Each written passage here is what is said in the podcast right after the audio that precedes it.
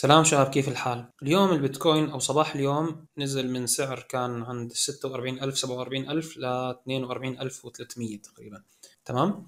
هلأ خلينا نحلل مع بعض شو سبب هذا النزول القوي تقريبا 10% بيوم واحد في مؤشرات أنا كثير آه، بحب أشاركها معكم اللي هو مؤشر التسييل السيولة بنلاحظ إنه اليوم تم ركل ما يقارب 885 مليون من السوق شو يعني هدول هذا المبلغ؟ يعني مليار تقريبا. هو الناس اللي بيكونوا فاتحين آه، صفقات بالهامش. اللي حكينا عنها من قبل إنه هي إنه مشان يحصل على أرباح سريعة فبيفتح صفقات بالهامش وبالتالي بيتعرض لخسارة كبيرة أو ربح كبير بوقت قصير. تقريبا 223500 متداول تم ركلهم من السوق وتم تسييلهم وبالتالي هذا بيأثر على على حركات السوق التالية.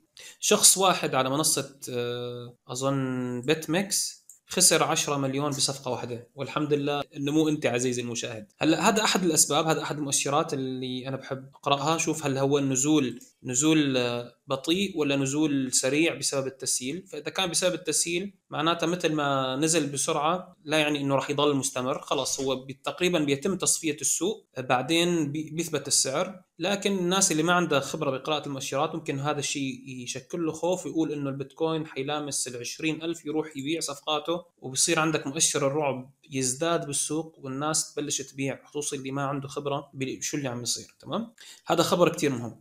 الخبر الثاني قبل يومين تقريبا كان في مظاهرات بكازاخستان. شو علاقة كازاخستان بالبيتكوين؟ آه، كازاخستان تعتبر ثاني أكبر دولة بقوة التعدين ك hash rate طبعا كازاخستان تعتبر من أقوى الدول بتعدين البيتكوين. يعني صار مشكلة آه، بكازاخستان صار في مظاهرات فالدولة عملت إطفاء للإنترنت shutdown رسمي كامل فهذا سبب أنه تنخفض قوة شبكة البيتكوين 13.4% طيب شو معنى هذا الكلام؟ معنى هذا الكلام إذا بدنا نطلع بس هون على هذا هذا ال graph بدي أشرح لكم إياه، هذا هون بيشرح لنا إنه هذا هون هي الصين، كانت الصين تشكل ما قوته الصين كانت تشكل يعني بإحدى المراحل من 67 ل 66% من قوة شبكة البيتكوين، تمام؟